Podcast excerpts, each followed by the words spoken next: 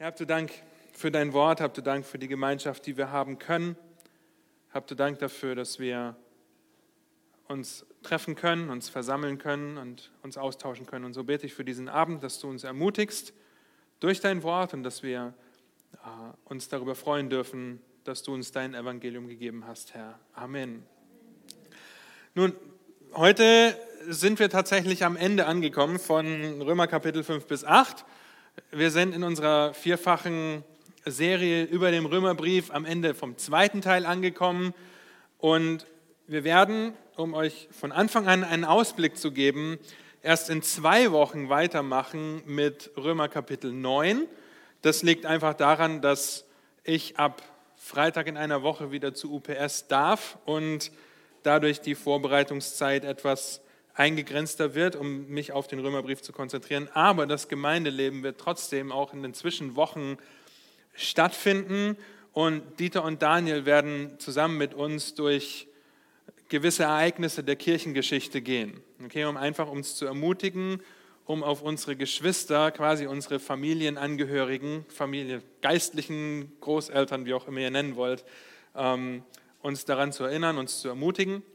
Da wollen wir also in den nächsten Wochen immer alle zwei Wochen auf die Kirchengeschichte blicken, auf bestimmte Ereignisse aus der Kirchengeschichte und alle zwei Wochen dann auf den Römerbrief. Dazu kommt, ja, dass wir ab nächste Woche das Gemeindeleben wieder um 18 Uhr starten möchten. Einfach Gemeinschaft haben von 18 Uhr bis 18.30 Uhr, äh, was gemeinsam lesen oder zusammen singen.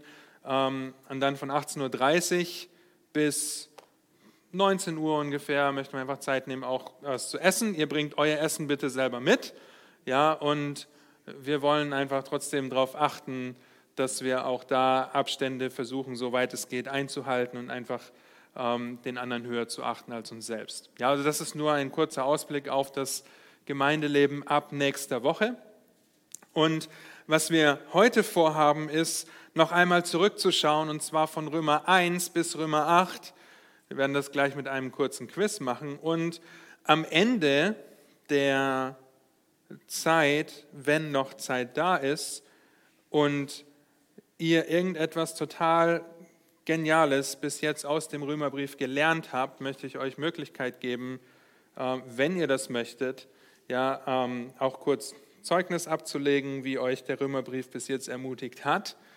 Äh, das wird im Livestream zu hören sein okay, aber nicht zwangsläufig auf der Aufnahme im Nachhinein, okay. Also wenn ihr etwas sagen möchtet, Zeugnis ablegen möchtet, wo ihr dankbar seid, wo euch was bewusst geworden ist aus dem Römerbrief, dann habt ihr die Möglichkeit, im Livestream wird das zu hören sein, der wird aber nicht veröffentlicht und dann können wir das danach gerne rausnehmen. Schlag bitte mit mir Römer Kapitel 8 auf. Wir möchten Römer Kapitel 5 bis 8 gemeinsam lesen. Und wir erinnern uns, dass es Römer 5 bis 8 wie so ein Sandwich sind. Okay, also dass Römer 5 und Römer 8 quasi wie das Sandwichbrötchen sind, der Boden und der Deckel. Und um das einfach etwas besser zu verstehen, fangen wir tatsächlich in Römer 8 ab Vers 28 an zu lesen und gehen dann zurück zu Römer 5. Einfach nur, um zu verstehen, wie wichtig und wie intensiv dieser Argumentationsstrang von Paulus in diesen vier Kapiteln ist.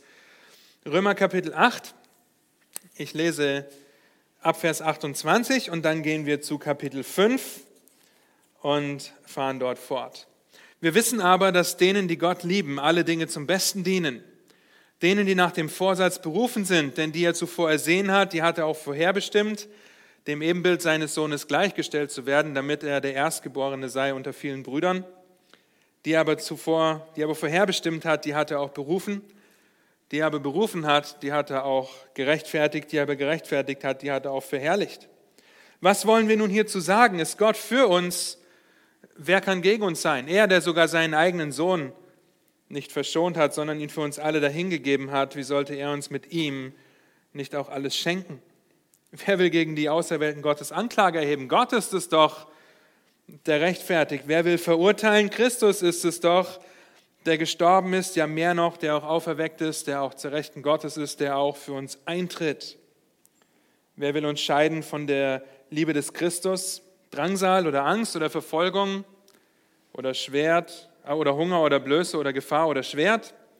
Wie geschrieben steht, um deinetwillen werden wir getötet, den ganzen Tag wie Schlachtschafe sind wir geachtet, aber in dem allem überwinden wir weit durch den, der uns geliebt hat. Denn ich bin gewiss, dass weder Tod noch Leben, weder Engel noch Fürstentümer noch Gewalten, weder Gegenwärtiges noch Zukünftiges, weder Hohes noch Tiefes noch irgendein anderes Geschöpf uns zu scheiden vermag von der Liebe Gottes, die in Christus Jesus ist, unserem Herrn. Kapitel 5, Vers 1. Da wir nun aus Glauben gerechtfertigt sind, und hier geht es, knüpft es logischerweise an Kapitel 4 an, so haben wir Frieden mit Gott durch unseren Herrn Jesus Christus, durch den wir im Glauben Zugang erlangt haben zu der Gnade, in der wir stehen. Und wir rühmen uns der Hoffnung auf die Herrlichkeit Gottes. Aber nicht nur das, sondern wir rühmen uns auch in den Bedrängnissen, weil wir wissen, dass die Bedrängnis standhaftes Ausharren bewirkt. Das standhafte Ausharren aber Bewährung, die Bewährung aber Hoffnung, die Hoffnung aber lässt nicht zu Schanden werden. Denn die Liebe Gottes ist ausgegossen in unsere Herzen durch den Heiligen Geist, der uns gegeben worden ist. Deswegen haben wir gerade Römer 8 kurz gelesen, weil es da um die Liebe geht, die uns gegeben wurde. Vers 6 in Kapitel 5.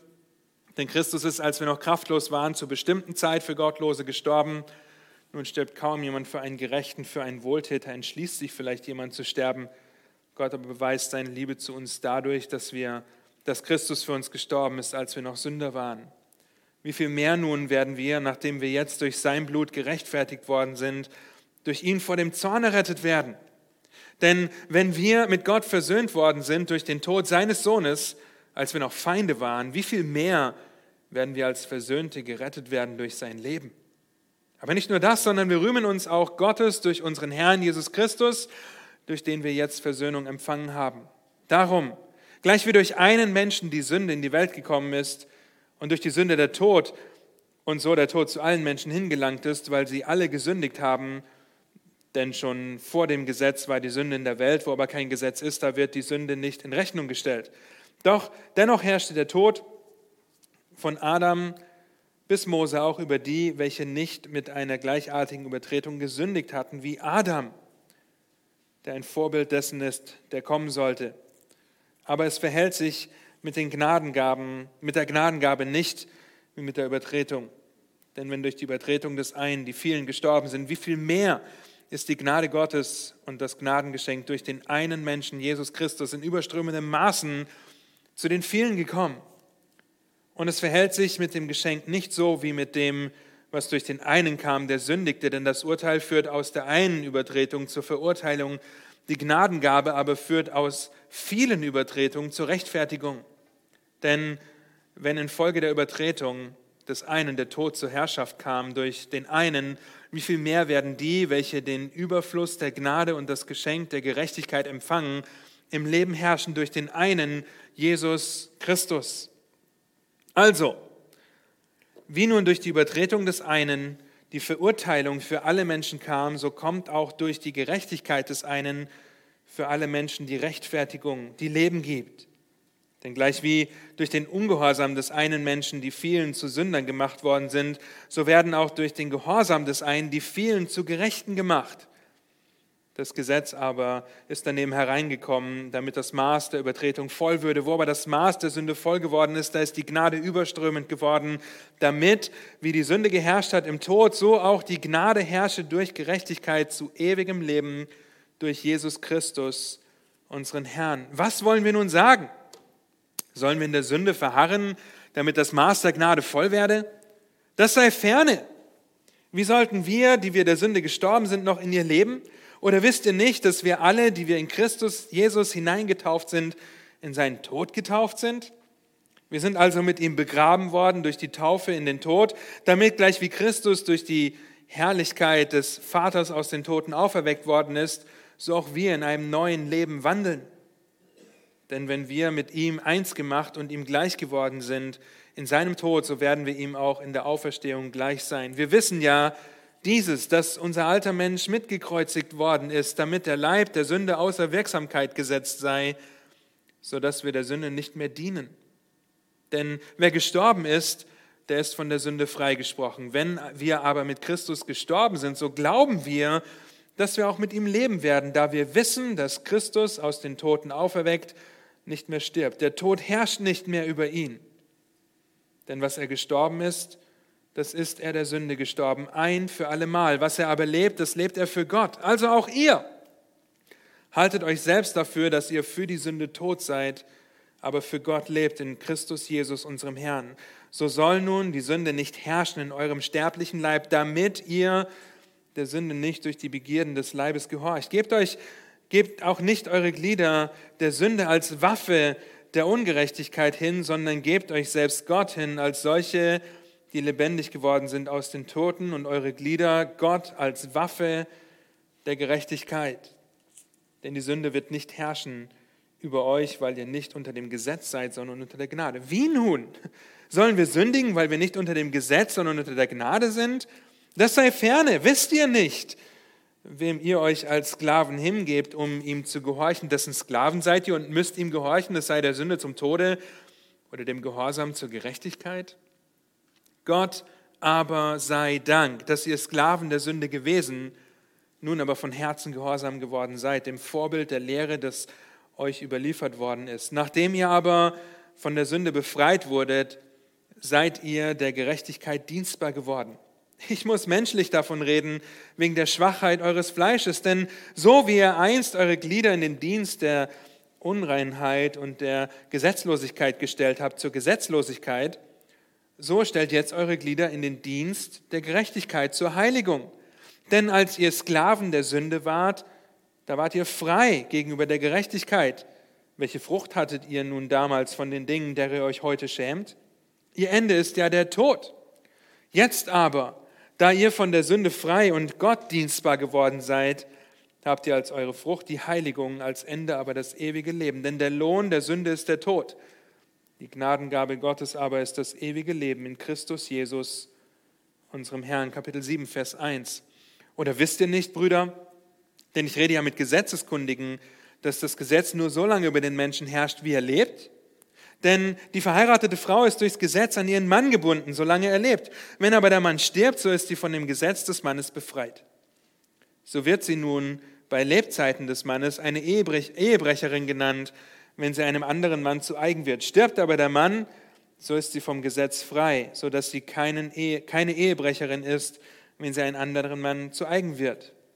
Also seid auch ihr, meine Brüder, dem Gesetz getötet worden durch den Leib des Christus, damit ihr einem anderen zu eigen seid, nämlich dem, der aus den Toten auferweckt worden ist, damit wir Gott Frucht bringen.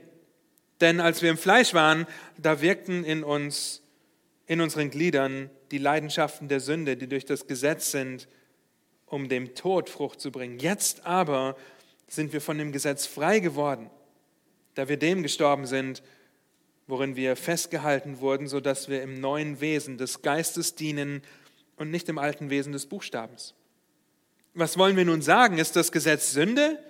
Das sei ferne. Aber ich hätte die Sünde nicht erkannt, außer durch das Gesetz, denn von der Begierde hätte ich nichts gewusst, wenn das Gesetz nicht gesagt hätte, du sollst nicht begehren. Da nahm aber die Sünde einen Anlass durch das Gebot und bewirkte in mir jede Begierde, denn ohne das Gesetz ist die Sünde tot. Ich aber lebte, als ich noch ohne Gesetz war, als aber das Gebot kam, lebte die Sünde auf und ich starb. Und eben dieses Gebot, das zum Leben gegeben war, erwies sich für mich als todbringend. Denn die Sünde nahm einen Anlass durch das Gebot und verführte mich und tötete mich durch dasselbe. So ist nun das Gesetz heilig und das Gebot ist heilig, gerecht und gut. Hat nun das Gute mir den Tod gebracht?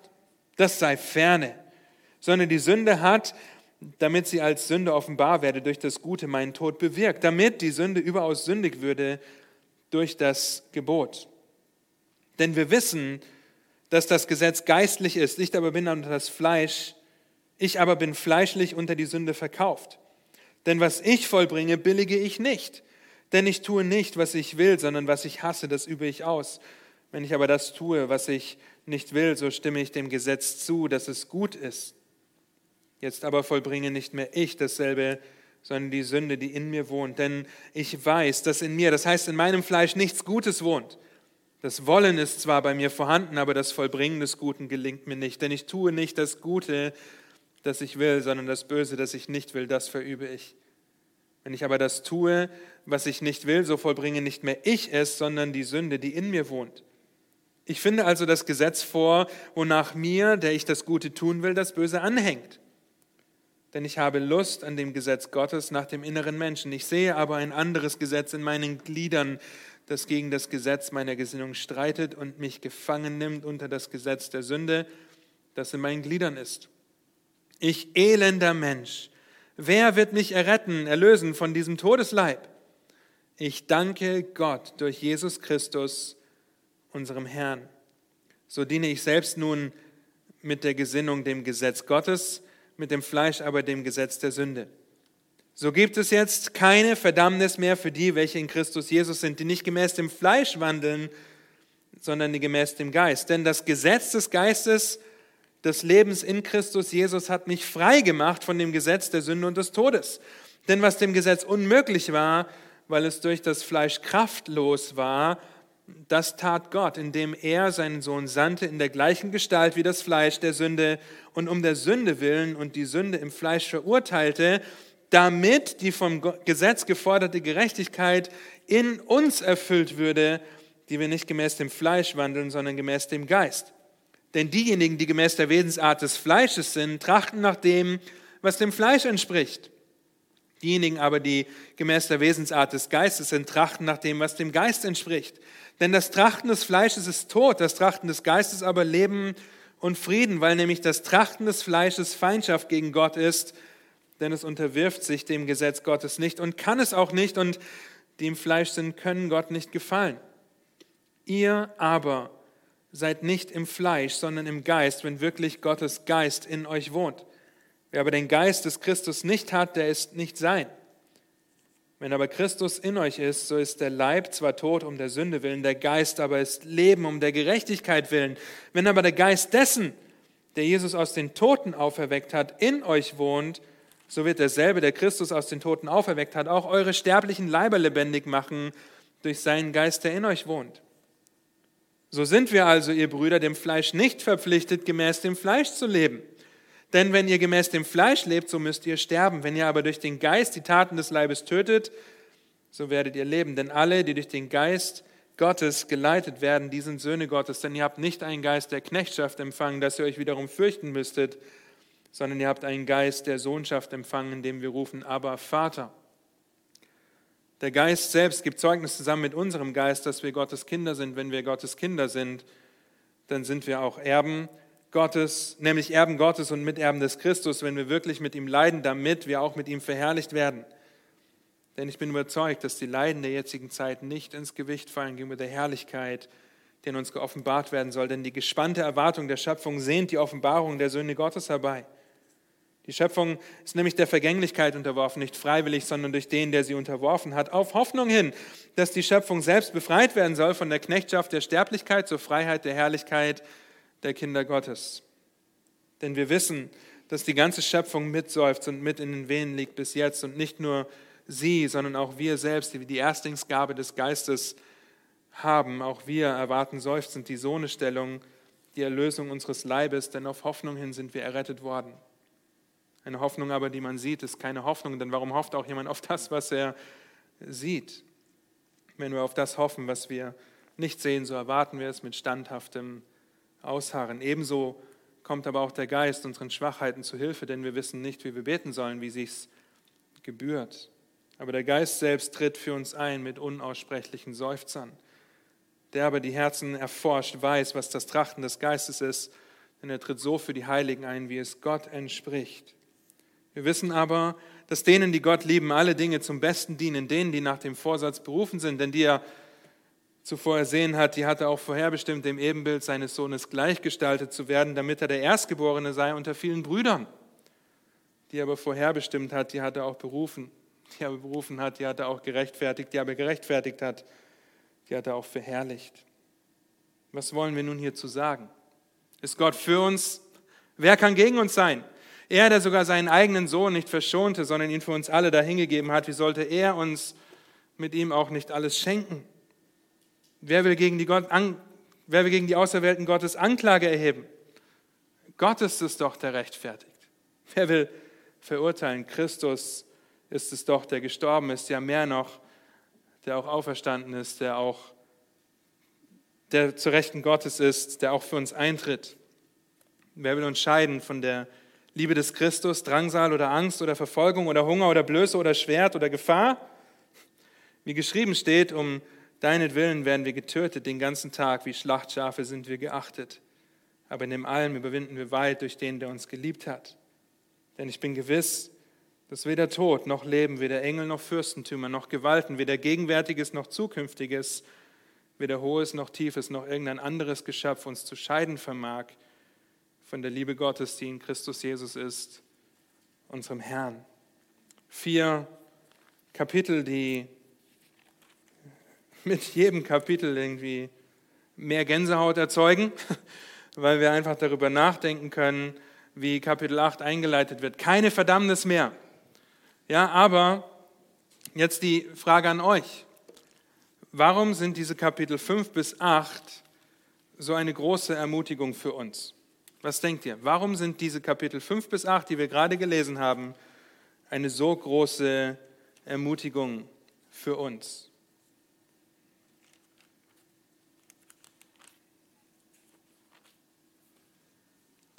Und hier wird es interaktiv.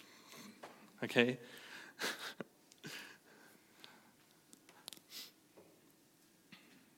Ich, seh, ich kann euch auch aufrufen. Alex. Okay, der Aspekt der Heilssicherheit. Ja, sehr ermutigend, darüber nachzudenken. Subjektiv die Heilsgewissheit. Subjektiv. Subjektiv Heilsgewissheit. Sehr gut. Ja, dass wir einfach die Überzeugung haben dürfen, zu der Überzeugung gelangen können, dass wir die Heilssicherheit auch wissen, dass wir sie haben. Genau. Und die Gewissheit, die Sicherheit haben wir. Genau.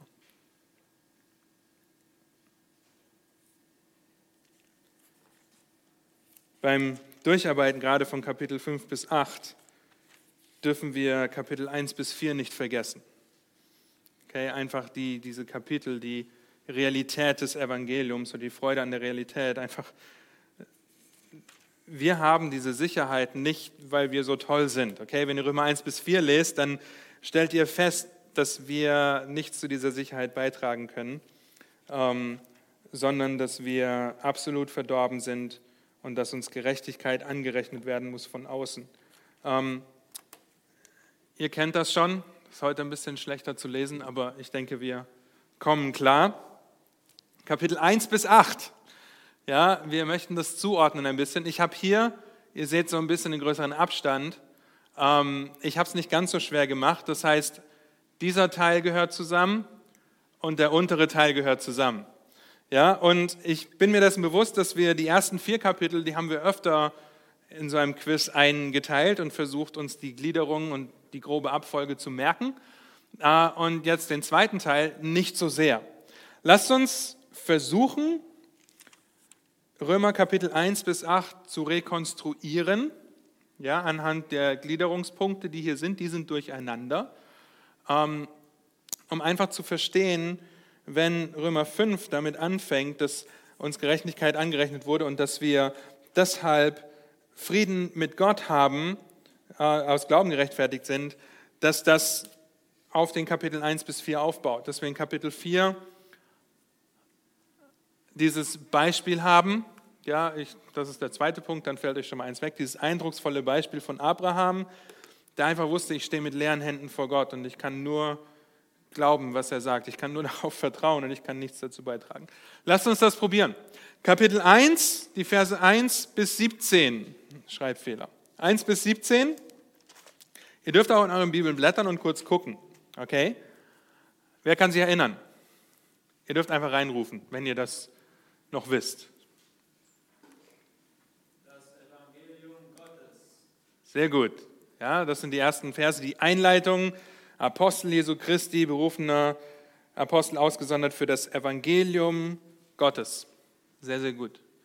Dann, was finden wir in Kapitel 1, Vers 18 bis 32? Jawohl. Ja, einfach, sie beten Götzen an, sie vertauschen das Geschöpf mit dem Schöpfer, sie machen etwas Gutes zu ihrem Gott und deshalb hat sie Gott dahingegeben in die ganzen schändlichen Begierden und so weiter. Kapitel 2, Vers 1 bis 16. Ihr seid gut, auf jeden Fall. Ja, das unparteiische Gericht Gottes. Bei Gott gibt es kein Ansehen der Person. In Kapitel 2, Vers 11 lest ihr das. Und in Kapitel 2 lesen wir auch, dass wir Zorn aufhäufen. Wir haben über dieses Anrechnen aus dem Bankwesen gesprochen, dass wir etwas ansparen. Ja, das war Kapitel 2. Kapitel 2, Vers 17 bis 29. Sehr gut. Mensch, das sitzt ja noch. Das Aufdecken religiöser Heuchelei, wo Paulus das erste Mal ganz konkret den Juden anspricht und einfach aufzeigt, dass weder das Gesetz noch die Beschneidung ähm, etwas bringen, ja, und dass es, ähm, dass es wichtig ist, bei Gott die Anerkennung zu haben in Vers 29, sondern der ist ein Jude, der es innerlich ist und seine Beschneidung geschieht am Herzen, im Geist, nicht dem Buchstaben nach. Seine Anerkennung kommt nicht von Menschen, sondern kommt von Gott. Dann geht es weiter in Kapitel 3, die Verse 1 bis 20. Das sieht man jetzt schlecht, aber 1 bis 20.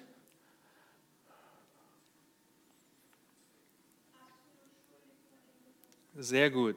Ja, absolut schuldig vor dem Gesetz. Das ist in, in diesen Versen finden wir diese, diese Aneinanderreihung alttestamentlicher Zitate, die Paulus wie so eine Perlenkette ähm, aufführt, um einfach die absolute Verdorbenheit des Menschen aufzuzeigen und dass wirklich keiner einen Ausweg hat. Und er schreibt in Vers 9 in Kapitel 3, wie nun haben wir etwas voraus, ganz und gar nicht, denn wir haben ja vorhin sowohl Juden als auch Griechen beschuldigt. Das heißt, ohne Christus, ohne rettenden Glauben finden wir uns alle hierin wieder. Ja, und nach wie vor finden wir uns wahrscheinlich in Beschreibungen aus Kapitel 1 bis 3 wieder, weil wir nach wie vor mit Sünde kämpfen. Kapitel 3, die Verse 21 bis 31.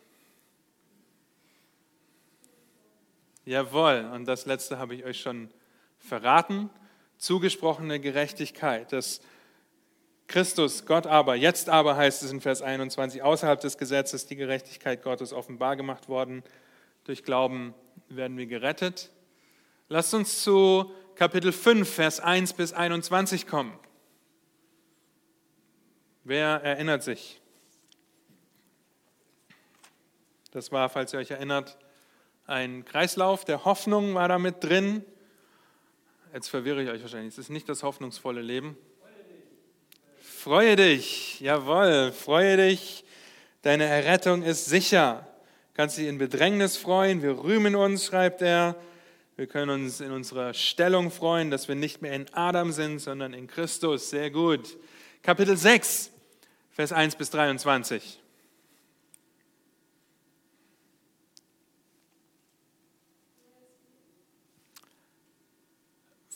Fast?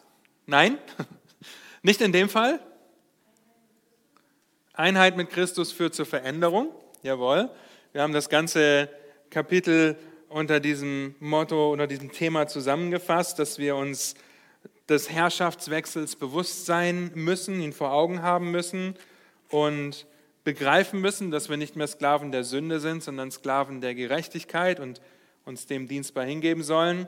Kapitel 6 ist ähm, in Vers 12 Sogar in Vers 11 geht das schon los. Der erste Befehl im Römerbrief. Okay, vorher ist alles Beschreibung und Erklärung und äh, wo wir herkommen und was Christus für uns getan hat. Und hier kommt in Kapitel 6, Vers 11 der erste Befehl im Römerbrief, dass wir uns selbst der Sünde für tot halten sollen. Äh, Kapitel 7, Vers 1 bis 25. Das könnte einfach sein, weil es um das Gesetz geht. Ja? Ordne das Gesetz richtig ein. Wir haben gesehen, dass wir nochmal in Kapitel 6 fängt er das an und hier greift er das nochmal auf, dass wir mit Christus vereint sind. Er benutzt das Beispiel der Ehe, aber wir dürfen diese Stelle nicht nehmen, um irgendwie über Ehescheidung oder sonstiges zu reden. Da begeben wir uns in zu ähm, schwierige Gewässer, weil das aus dem Kontext nicht ableitbar ist und schwierig wird zu begründen, ja, dass wir mit, nicht mehr mit dem Gesetz verheiratet sind und so weiter, weil dann in Vers 4 heißt es, dass wir dem Gesetz gestorben sind und vorher heißt es, der Ehemann ist gestorben und wir sind frei. Ist egal. Ja, ähm, es ist ein Beispiel, ein Bild dafür, dass Paulus benutzt, dass wir eins mit Christus sind, dass wir das Gesetz aber richtig einordnen müssen, denn in Versen 7 bis 13 sehen wir, dass das Gesetz einen Nutzen hat. Wer kann sich an den Nutzen des Gesetzes erinnern? Wozu ist das Gesetz gut?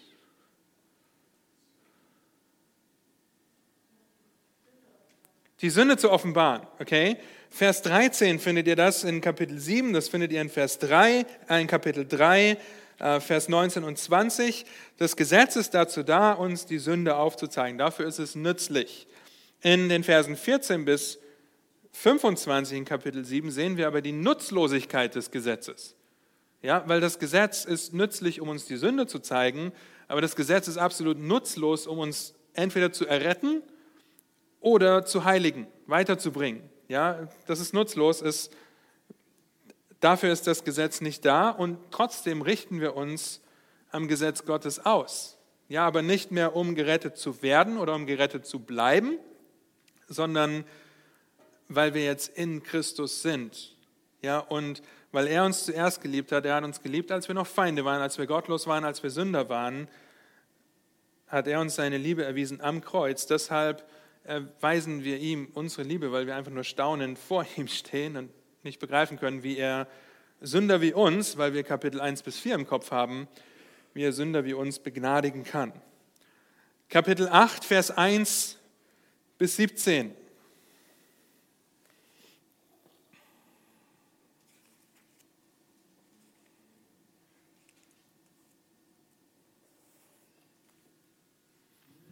Ist es das neue Leben, das hoffnungsvolle Leben oder das sichere Leben? Das neue Leben, okay? Ja, neues Leben. Das neue Leben durch den Geist, der uns zu einem neuen Wesen macht. Ja, wir sind gemäß der Wesensart des Geistes in Vers 5 und wir sind adoptierte Kinder Gottes in Vers 14 und Vers 14 äh, bis 17 und wir haben den Geist der Sohnschaft empfangen. Das war neues Leben, Kapitel 8, Vers 1 bis 17. Kapitel 8, Vers 17 bis 30, um genauer zu sein, 17b, wenn wir wirklich mit ihm leiden, damit wir auch mit ihm verherrlicht werden. Was ist das? Hoffnungsvolles oder sicheres Leben, diese Verse? Hoffnung, hoffnungsvolles Leben, okay? Wir lesen davon in Kapitel 8, Vers 20. Die Schöpfung äh, ist der Vergänglichkeit unterworfen, durch den er unterworfen hat, auf Hoffnung hin. Ja, nicht nur die Schöpfung seufzt, sondern auch wir seufzen auf Hoffnung hin, dass wir eines Tages die Erlösung unseres Leibes erfahren, weil die Leiden der jetzigen Zeiten nicht ins Gewicht fallen. Das Schwerste zum Schluss, nein. Ähm, die Verse 31 bis 39 zeigen uns die absolute Sicherheit des Lebens auf. Okay? Die absolute Sicherheit. Wir haben gesehen in den ersten Fragen 31 bis 34, wie Paulus dieses Argument, dass wir unser Heil verlieren können, dass er dieses Argument zusammenfasst und im Endeffekt sagt, okay, nicht einmal Gott kann sich dagegen entscheiden, dass wir unser Heil wieder verlieren können. Okay, weil er hat seinen Sohn gesandt und Christus ist für uns gestorben, als wir noch Sünder waren und das ist in der Vergangenheit. Er wird das nicht rückgängig machen. Der einzige Moment, in dem unsere Errettung auf die Probe gestellt wird oder ähm, rückgängig gemacht werden könnte, ist, wenn der Vater das Opfer seines Sohnes nicht mehr anerkennt. Ja, und das wird niemals passieren. In Ewigkeit wird das nicht geschehen. Und dann die Verse 35 bis 39 die uns einfach auch noch die Sicherheit geben, dass nicht einmal wir selbst uns dagegen entscheiden können, ähm, jetzt nicht mehr errettet zu sein. Okay? Nee, wir können uns nicht dafür entscheiden, jetzt nicht mehr errettet zu sein. Die Verse 35 bis 39, ja, weder Drangsal oder Angst, auf die man vielleicht äh, eingeschüchtert reagieren könnte. Nichts kann uns trennen, weil wir über Überwinder geworden sind, falls ihr euch erinnert an letzte Woche, ja, vor zwei Wochen. Ah, denn ich bin gewiss, dass weder Tod noch Leben und so weiter nicht mich von ihm scheiden kann. Ja, ihr kennt das Lied. Ja, das nichts und niemand mehr. Wir könnten anfangen jetzt. Ähm, das sind so schöne Kapitel und mit, mit diesem großen Überblick über Kapitel 1 bis 8 ähm, müssen wir uns einfach vor Augen halten, dass wir die Freude an der Sicherheit des Evangeliums nicht von der Freude an der Realität des Evangeliums trennen können, weil wir aus eigener Kraft, aus uns selbst nichts mitbringen zu unserer Rettung, sondern alles kommt von Gott. Wir stehen nur mit leeren Händen da und sagen, Gott, sei mir Sünder gnädig. Mehr tun wir nicht, aber daraus entspringt, aus unserer Errettung entspringt, dass wir dem, der uns errettet hat, der uns freigekauft hat, dann auch dienen, weil er uns erkauft hat, aus der Sklaverei der Sünde erlöst hat, freigekauft hat und uns in seinen Dienst gestellt hat.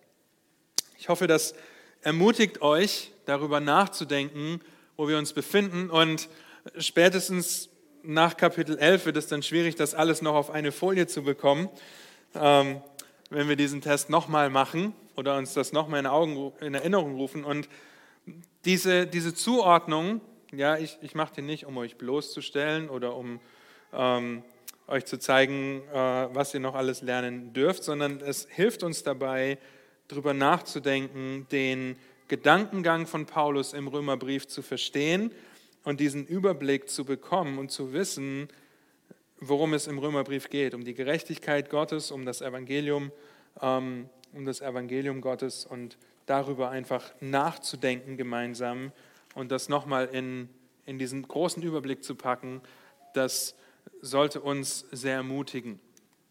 Wir haben noch ein Quiz, ha, weil es so schön ist. Ja?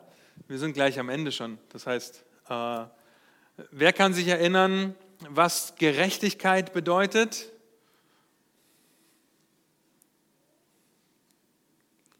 Wir, sind, wir befinden uns hier eigentlich in Kapitel 1 bis 4 noch, aber dennoch ist es ebenso wichtig für die Kapitel 5 bis 8. Einfach nur zur Erinnerung, weil das sind ähm, theologische Fach, Fachbegriffe jetzt vielleicht nicht, aber theologische Begriffe, die uns vielleicht häufiger vorkommen. Gerechtigkeit? Jawohl, Gottes Maßstab, an dem Gott misst. Was ist die Rechtfertigung?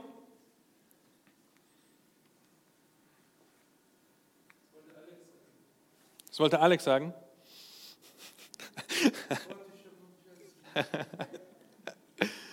Rechtfertigung.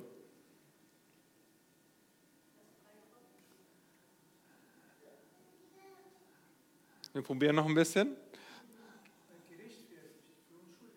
Jawohl, ja, sehr gut. Wir sind für unschuldig erklärt durch den Tod unseres Herrn. Was ist Erlösung?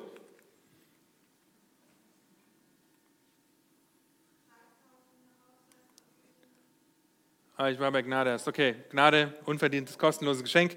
Eieiei. Ja, Erlösung das Freikaufen herausreißen. Wir haben gesehen, dass dieses Wort bedeutet, ähm, auf einen Sklavenmarkt zu gehen, zum Beispiel, ja, unter anderem, und einen Sklaven zu kaufen, in sein Eigentum zu stellen. Auf der anderen Seite ähm, kann es genauso ein, ein Herausreißen oder ein Zerbrechen von Ketten sein, wenn es um das Gefängnis geht. Äh, was ist Sühne?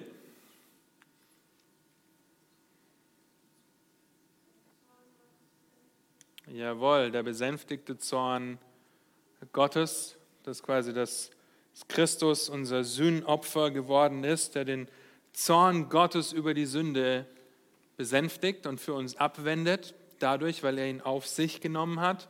Und dann zu guter Letzt der Glaube mit leeren Händen anzunehmen und zu vertrauen, dass Christus das für mich getan hat. Ja, die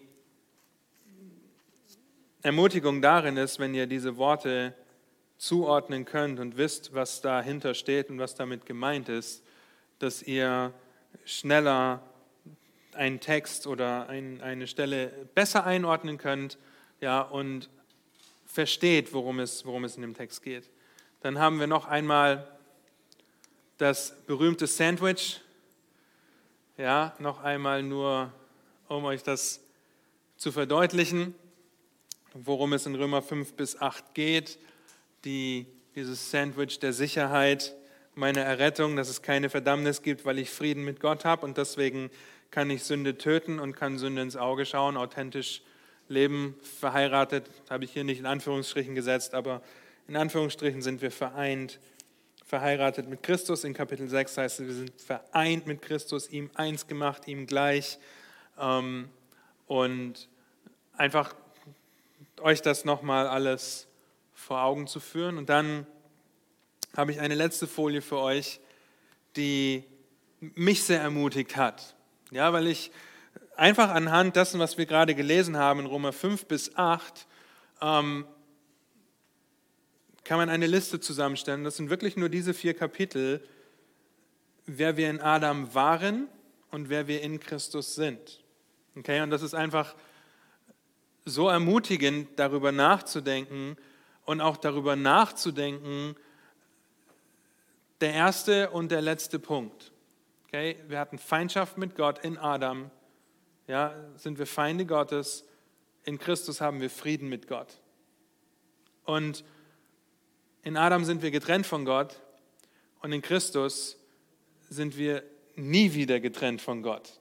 Ja, das heißt, nichts kann uns von Gott trennen, weil Gott Frieden mit uns gemacht hat. Und alles, was dazwischen reingepackt wird, kann uns ermutigen, kann uns anspornen, mit unserer Sünde umzugehen, ja, ähm, Rat zu suchen bei Brüdern und Schwestern aus der Gemeinde, biblischen Rat in Anspruch zu nehmen, weil wir verstehen, okay, ich, ich bin ein Kind Gottes, nichts kann mich aus seiner Hand reißen, ja, und weil mich nichts aus seiner Hand reißen kann, möchte ich ihm die Ehre geben, mein Leben für ihn leben und dafür brauche ich Hilfe, weil ich auf dieser Seite der Ewigkeit lebe und nach wie vor sündige.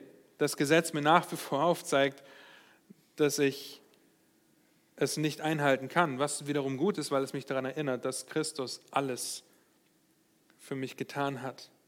Das sind Römer Kapitel 5 bis 8. In zwei Wochen werden wir mit Kapitel 9 bis 11 beginnen und uns um die Verteidigung des Evangeliums drehen, wenn es um um das Volk Israel geht, wenn es um Gottes Souveränität, seine Barmherzigkeit geht, wenn es um den Töpfer und den Ton geht und so weiter. Ich freue mich darauf, das mit euch zu behandeln, bevor wir dann ganz praktisch die Kapitel 12 bis 16 anschauen. Und um euch einen groben Ausblick zu geben, wenn wir das jetzt auf alle zwei Wochen ähm, ausdehnen, dann sind wir im Juni 2021 ich habe nicht 22 gesagt, 2021 äh, mit dem Römerbrief fertig und haben uns den Römerbrief dann, so Gott will, und wir noch nicht in seiner Gegenwart sind, ähm, in 33 Predigten uns vor Augen geführt und hoffentlich einen guten Überblick über das bekommen, was der Argumentationsstrang von Paulus ist. Okay, und damit möchte ich noch einmal beten. Ja, wenn ihr sehr ermutigt seid durch den Römerbrief und ähm, mich ermutigen möchtet, dann dürft ihr mir gerne das sagen, wie euch das ermutigt oder wo euch das herausgefordert hat. Ja, wenn ihr weitere Fragen dazu habt, dann dürft ihr die mir stellen. Theoretisch wäre der heutige Abend unter einer Frage- und Antwortstunde gelaufen. Mehr oder weniger haben wir das gemacht. Ich habe die Fragen gestellt, ihr habt geantwortet. Ähm, aber weil von eurer Seite keine Fragen gekommen sind, äh, genau, vielleicht schaffen wir das dann bei Römer Kapitel 11. Wenn ihr Fragen habt, dann dürft ihr sie stellen und ihr könnt mir die jederzeit schicken. Okay? Äh, lasst mich noch beten und dann äh, wollen wir noch Gemeinschaft haben. Herr, du unendlich Dank für diese vier Kapitel im Römerbrief, die auf der wunderbaren Tatsache aufbauen, dass dein Evangelium kraftvoll ist und dass es die Kraft hat, zu erretten und nicht nur die Kraft hat zu erretten, weil wir absolut verdorben sind und nichts dazu beitragen können, sondern dass dein Evangelium auch die Kraft hat, uns sicher in der Errettung zu verwahren. Herr, dass du uns dein Geist als Siegel und Unterpfand gegeben hast, aber dass du, Herr Jesus Christus, für uns eintrittst, unser Fürsprecher, unser Sühneopfer geworden bist und gewährleistest, dass unser Heil niemals verloren gehen kann. Lass uns das ein Ansporn sein, eine Ermutigung, wenn wir im täglichen Leben stehen und mit unserer Sünde kämpfen. Herr, dass wir durch den Geist die Taten des Leibes, die Sünde in unseren Gliedern abtöten. Herr, und dass, wenn es sein muss, wir auch Hilfe dafür in Anspruch nehmen, einander um Rat bitten, einander um Ermutigung bitten, um, um Wegweisung, damit du durch unser Leben und durch uns als Gemeinde geehrt wirst, Herr. Amen.